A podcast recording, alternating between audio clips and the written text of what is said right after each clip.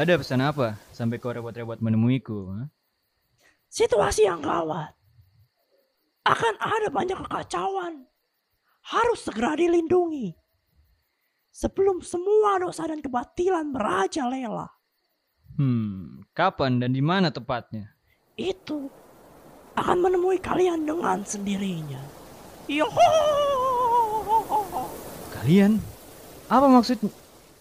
Ah, Ke mana perginya? Apa maksudnya menemui kalian dengan sendirinya?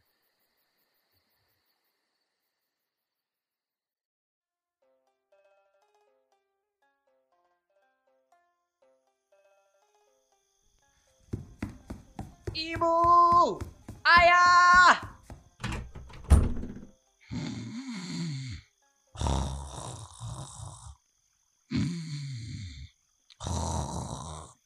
Dasar si Rui bodoh! Sudah bodoh, kerjanya hanya tidur saja. Hei, bangun! Ah, ada apa pangeran? Apakah kesulitan untuk tidur lagi? Oh, tidak. Aku hanya ingin tahu bagaimana si Ryuku menjalankan tugasnya. Wah, Anda baik hati sekali, Tuan. Memang kadang-kadang... Ya jelas, aku kesusahan untuk tidur. Untuk apa aku ingin tahu tugasmu memang?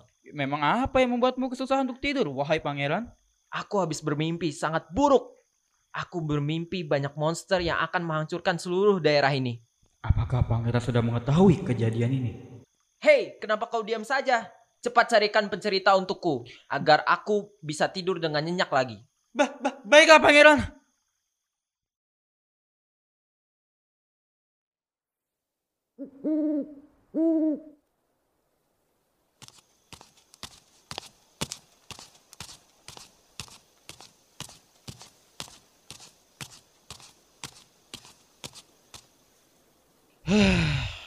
Harus ke mana lagi aku mencari pencerita untuk pangeran?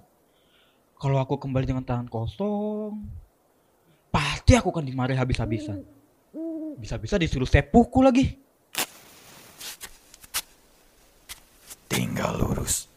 Di depan ada seseorang yang kau cari. Terima kasih, wahai samurai. Tak usah dipikirkan. Oh iya, lurus itu kira-kira... Hah? Ke mana perginya samurai itu? Ah ya udahlah. Berarti tinggal lurus aja ke depan.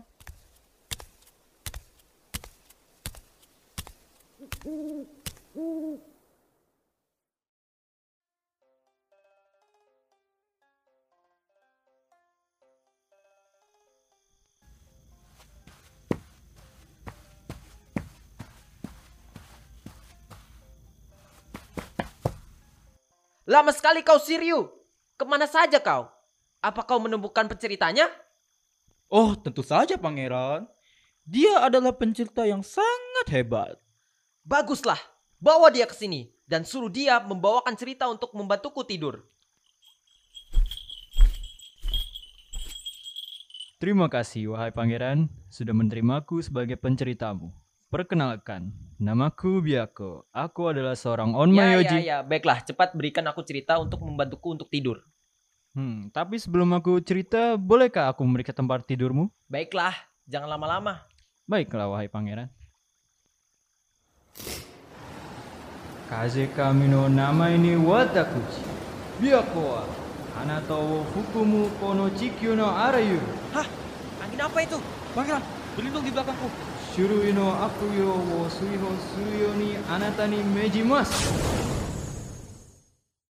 Sudah, tidak apa-apa wahai pangeran, silakan berbaring.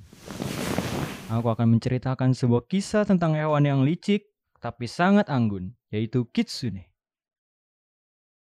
Pada zaman dahulu kala, ada seorang perempuan yang bernama Kitsu.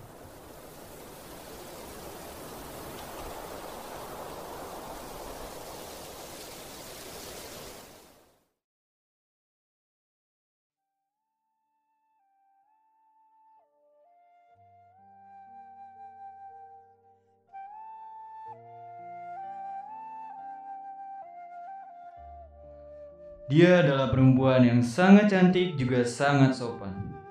Tapi untuk membiayai adiknya yang sedang terkena penyakit yang tidak diketahui penyebabnya, dia rela bekerja sebagai seorang wanita penghibur atau geisha dengan kecantikannya.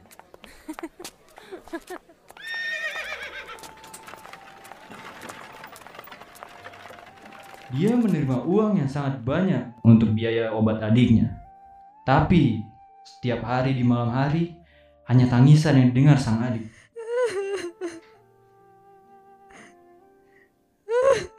Suara itu berasal dari kakaknya. Adiknya merasa tak tega dengan apa yang sudah dilakukan kakaknya terhadapnya.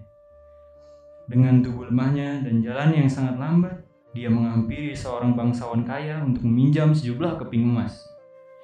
Bangsawan itu bertanya kepada adik Kitsu yang bernama Nezumi dengan nada yang angkuh. Apa yang bisa kau berikan kepadaku sebagai bunga pinjamannya? Aku bisa bekerja apa pun. Aku bisa melakukan pekerjaan apa pun agar bisa menjadi bunganya. Hah? Dengan badan yang lemas dan kurus seperti orang penyakitan? Tak ada yang bisa kau lakukan. Tolonglah, aku melakukan semua ini demi kakak perempuanku. Aku tidak mau melihatnya terus-terusan menangis di malam hari. Apa pun, apa pun akan kulakukan demi membayar hutang-hutangku. Hmm, begini saja. Bagaimana jikalau untuk membayar hutangmu nanti, kau bisa menyuruh kakakmu itu untuk menjadi geishaku. untuk selamanya. Dengan begitu, kau tidak akan merepotkan kakakmu lagi. Apa maksudmu? Kau anggap apa kakakku? Kakakku bukanlah wanita murahan yang bisa kau jadikan sebagai geisha dasar bodoh. Apa kau bilang? Dasar tidak tahu diri. Kau tahu kau itu siapa, ha? Pergi kau dari sini. Jaga. Seret dia keluar dari sini.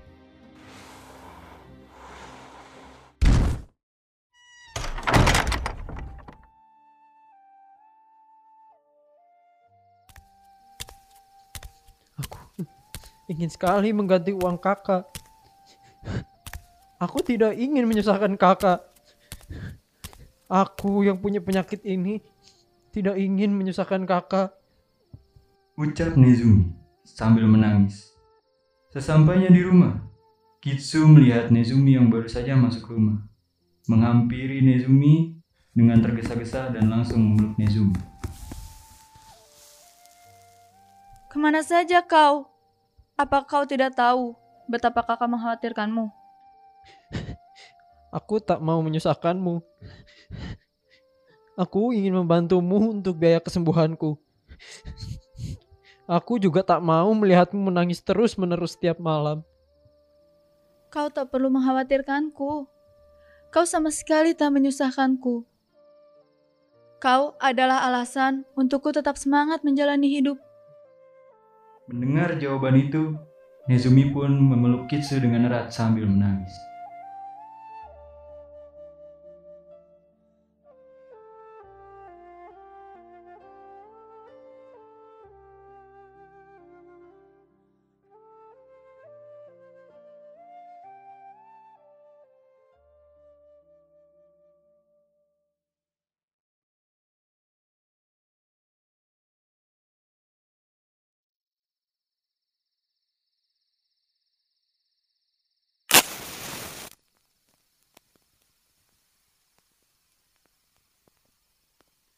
Seminggu berlalu, malam pun datang.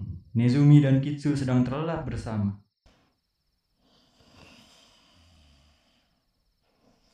Tiba-tiba bau asap yang sangat menyengat pun tercium ke hidung Kitsu. Kitsu terbangun. Dan dia kaget melihat api sudah hampir melahap setengah dari rumah mereka. Nezumi! Nezumi bangun Nezumi! Rumah kita terbakar! Kitsu yang panik membangunkan Nezumi dan lari menuju pintu keluar. Nezumi yang susah bergerak karena sakitnya yang makin parah memperlambat gerakan Kitsu. Akhirnya mereka berdua bisa keluar dengan batuk yang tak kunjung berhenti dari Nezumi.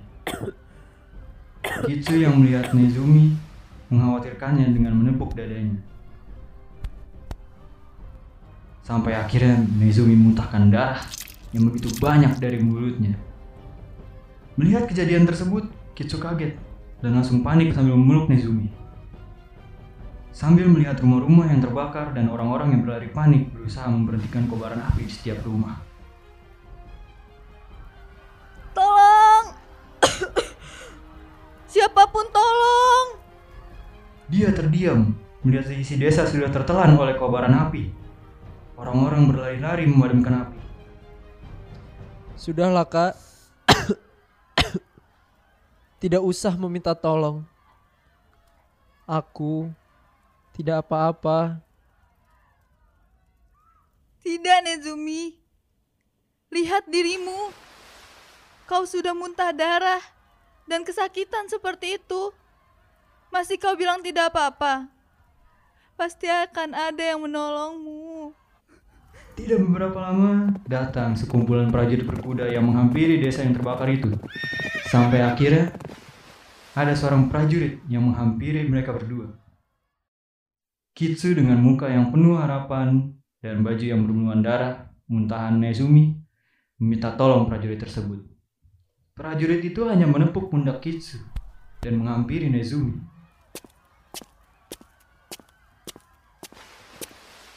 Nezumi yang di sana hanya bisa tergeletak sambil tersenyum melihat prajurit. Prajurit itu langsung dengan tanpa ampun menusuk dada Nezumi. Kitsu yang melihat itu hanya bisa terdiam, lalu teriak dengan keras. Tidak! Nezumi! Apa yang kau lakukan? Kitsu mendekati tubuh Nezumi, namun prajurit itu menahan Kitsu dan membawa paksa Kitsu dengan mendorongnya. Kitsu memberontak dengan sebisanya, sampai akhirnya prajurit itu memukul Kitsu, sampai akhirnya dia pingsan. Nezumi yang masih setengah sadar saat itu, dengan tombak yang menancap di dadanya, hanya bisa melihat kakaknya yang diseret menggunakan kuda yang ditunggangi prajurit.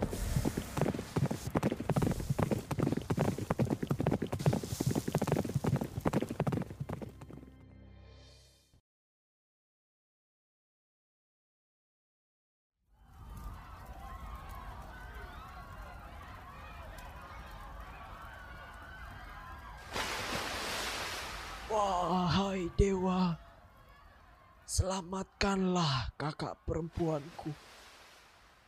Wahai sang dewa penjaga siang dan malam, berikanlah kekuatan untuk kakakku atas kematianku.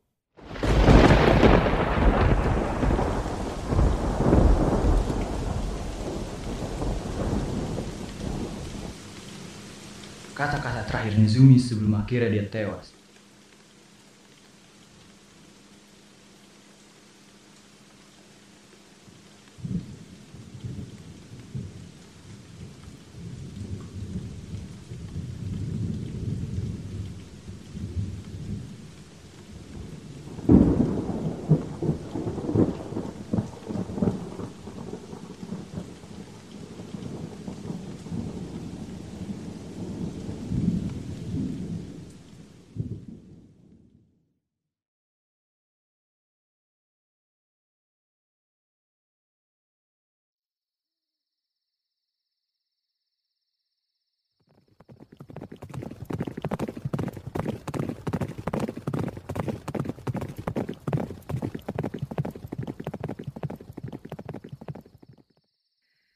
Kitsu tersadar dari pingsannya.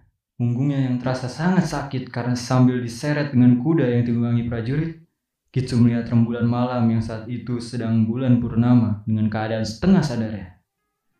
Dia melihat seperti ada rubah berlari mendekati Kitsu.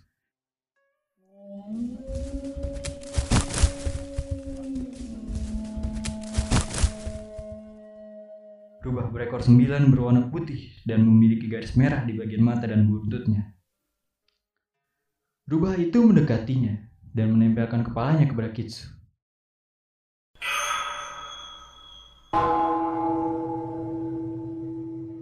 Kabut pasti berlalu. Kuasai mereka dengan amarah dan rasa dendam. Gunakan sebagai senjatamu.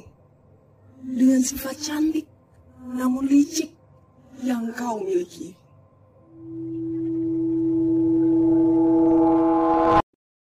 Lalu Kitsu pun terlelap.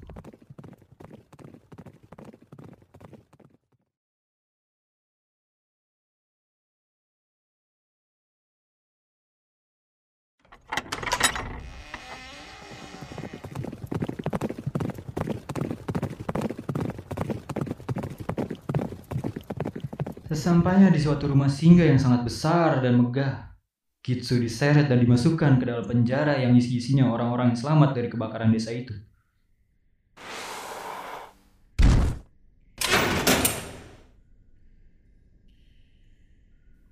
Beberapa hari berlalu, setiap malam Kitsu hanya bisa melihat bulan dengan tatapan kosong dan menyakar tembok dengan kukunya. Aku akan membalasnya Nezumi, aku pasti akan membalasnya. Aku akan membalasnya Nezumi, aku pasti akan membalasnya. Aku akan membalasnya Nezumi, aku pasti akan membalasnya. Beberapa orang di sel yang sama dengan Kitsu melihatnya heran. Hingga salah satu orang yang sudah melihat Kitsu dari pertama kali ia masuk ke dalam sel tahanan tersebut menegur Kitsu.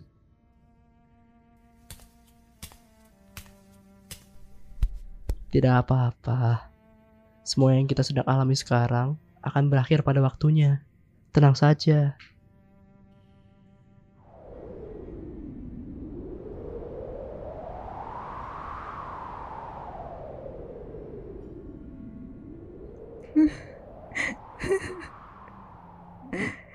Kau tidak tahu apa yang kurasakan. Kau tidak tahu apa yang telah mereka lakukan kepada adikku. Dia sedang sakit. Tapi dengan teganya, mereka membunuh dengan cara yang sangat keji. Aku akan membalaskan dendamku pada orang yang sudah melakukan semua ini. Hmm. Kalau begitu balas saja. Gunakan semua kebencianmu. Sampai rubah licik itu menemukan mainannya. Kitsu terdiam melihatnya. Lalu ia mengalihkan pandangannya dan melihat bulan kembali.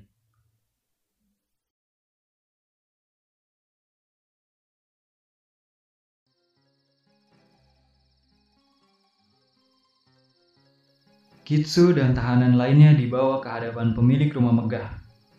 Pemilik itu adalah bangsawan yang ingin dipinjamkan uangnya oleh Nezumi. Apakah mereka sudah di sini? Sudah, Tuan.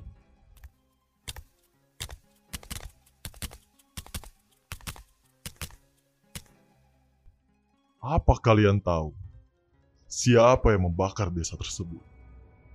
Akulah yang telah membakar habis desa tersebut. Kenapa?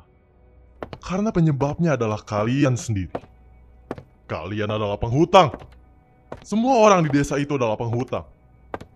Bahkan hidup kalian pun tidak bisa membayar semua hutang kalian. Bahkan sebenarnya, kalian masih hidup itu merupakan suatu anugerah. Dan di sini, kalian semua orang-orang miskin yang kumuh, kotor dan bau akan menjadi seorang budak di istanaku untuk seumur hidup kalian. Tidak ada yang namanya gaji dan makanan yang secukupnya untuk kalian. Belum selesai bangsawan itu berbicara, ia pun tertegun melihat Kitsu. Hmm, sepertinya ada yang membuatku tertarik di sini. Hei gadis muda, siapa namamu? Kitsu menaikkan kepalanya, lalu ia bicara. Namaku Kitsune. Aku adalah seorang wanita yang tinggal sebatang kara. Mendengar perkataan manis dan lembut yang keluar dari mulut Kitsune, bangsawan itu pun langsung jatuh hati kepadanya.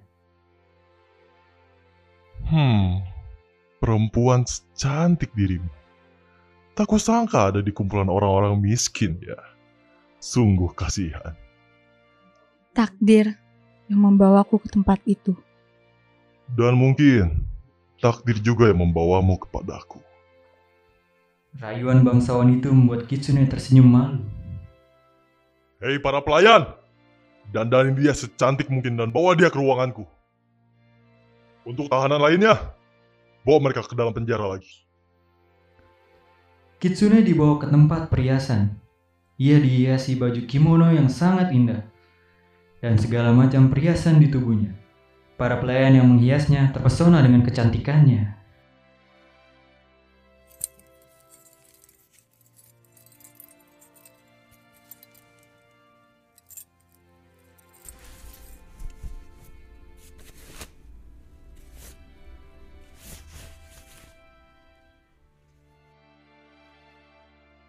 Kau sangat cantik seperti Dewi. Hmm, kecantikanku adalah bentuk dari segala kebencianku terhadap dunia. Seperti rubah yang sudah bertemu dunia sebelum dia mengenal dunia itu. Jawab Kisune yang membuat para pelayan terdiam sejenak. Setelah selesai dihiasi, Kitsune menunggu di sebuah kamar yang sudah disiapkan bangsawan itu untuk dirinya. Tidak lama kemudian, bangsawan itu masuk ke dalam kamar yang diisi oleh Kitsune. Dengan sikap yang sombong dan angkuh, bangsawan itu memanggil Kitsune. Kitsune, kemarilah.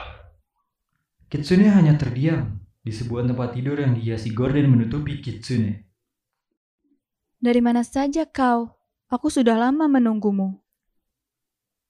Ucap Kitsune dengan lembut.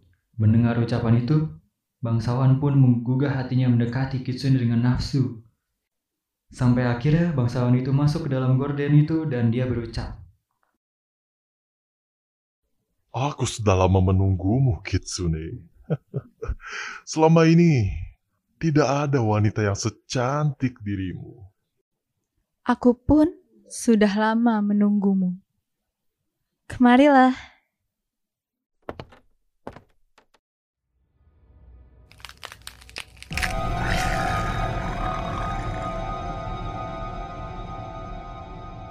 Kitsune membalikkan badannya dan bangsawan itu melihat mimpi terburuknya di hadapannya. Wajah Kitsune berubah menjadi berlumuran darah, matanya merah dan bertaring sangat panjang. Dari kimononya keluar sembilan ekor yang sangat lebat.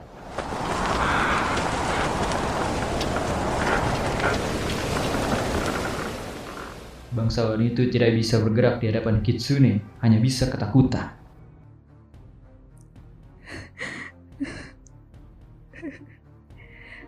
Kau, kau yang telah membumi hanguskan desa tempat tinggalku dan adikku.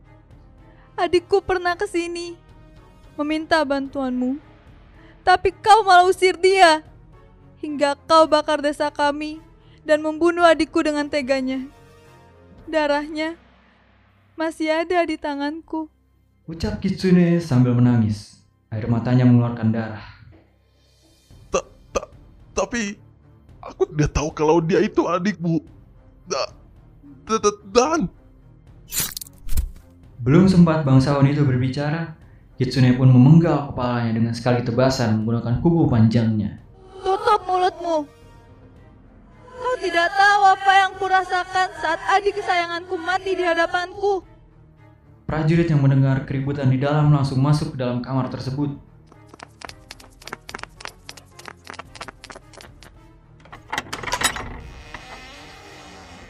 Mereka mendapati binatang rubah besar berekor sembilan yang sedang memakan bangsawan.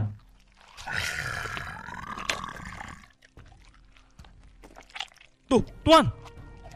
Sialan kau rubah bodoh! Panggil semua prajurit! Jangan sampai rubah itu lolos! Ucap salah satu prajurit. Tapi rubah itu malah mendekati para prajurit dengan sangat cepat. Dia langsung memenggal kepala prajurit itu.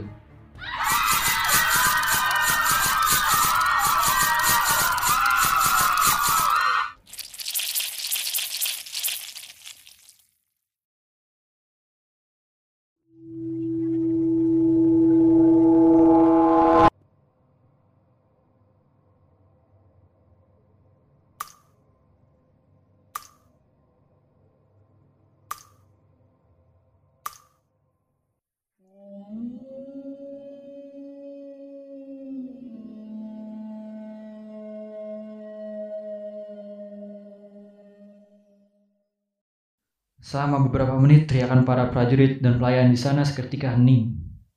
Rumah besar itu menjadi lautan darah, dan bulan pun menjadi merah karena kemarahan Kitsune yang sudah berubah menjadi rubah.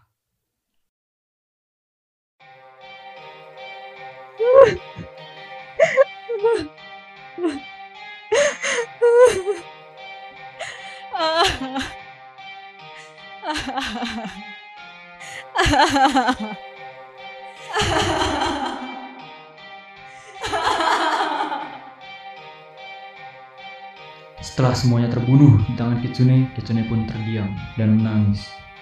Dalam tertawanya yang sangat lepas.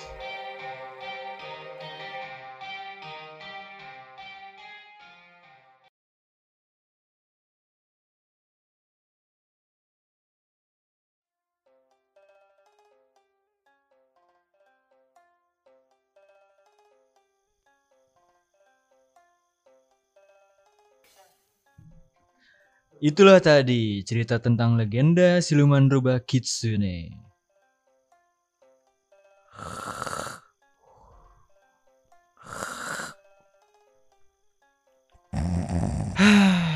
Dia sudah tertidur pula sih. Eh, terima kasih wahai On Myoji. Itu tadi cerita yang sangat menarik. Hmm, hmm, hmm, sama-sama. Kalau begitu aku pergi dahulu. Tunggu dulu. Sebenarnya ada yang ingin aku tanyakan kepadamu. Hmm, apa yang ingin kau tanyakan? Sebenarnya apa yang tadi kau lakukan sebelum kau memulai bercerita sebelum tidur? Ah, aku lupa. Aku tadi hanya mengusir roh-roh jahat yang beregenerasi dan hidup di bawah kasur pangeran. Tapi sekarang sudah tidak apa-apa. Tinggal kau saja jaga pangeran dengan baik-baik. Pasti. Pangeran adalah satu-satunya harta yang paling istimewa di kerajaan ini. Pasti akan aku jaga dengan seluruh hidupku. Hmm, hmm, hmm. Hidup saja belum cukup. Ya sudah, aku pergi. Baiklah. Terima kasih sekali lagi wahai On Myoji.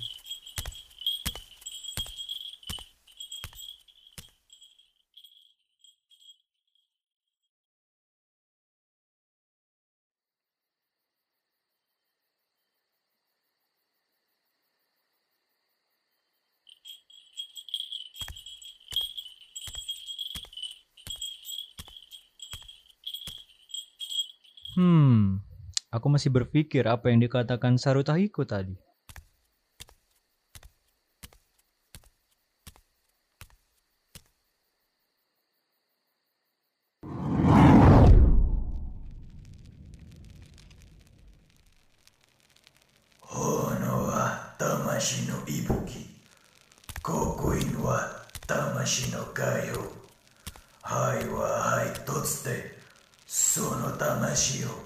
Totsude. Sono tamashi o enge no hono ni kise.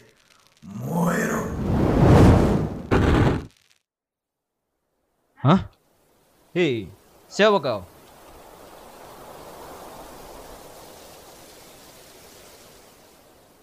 Ke mana perginya dia?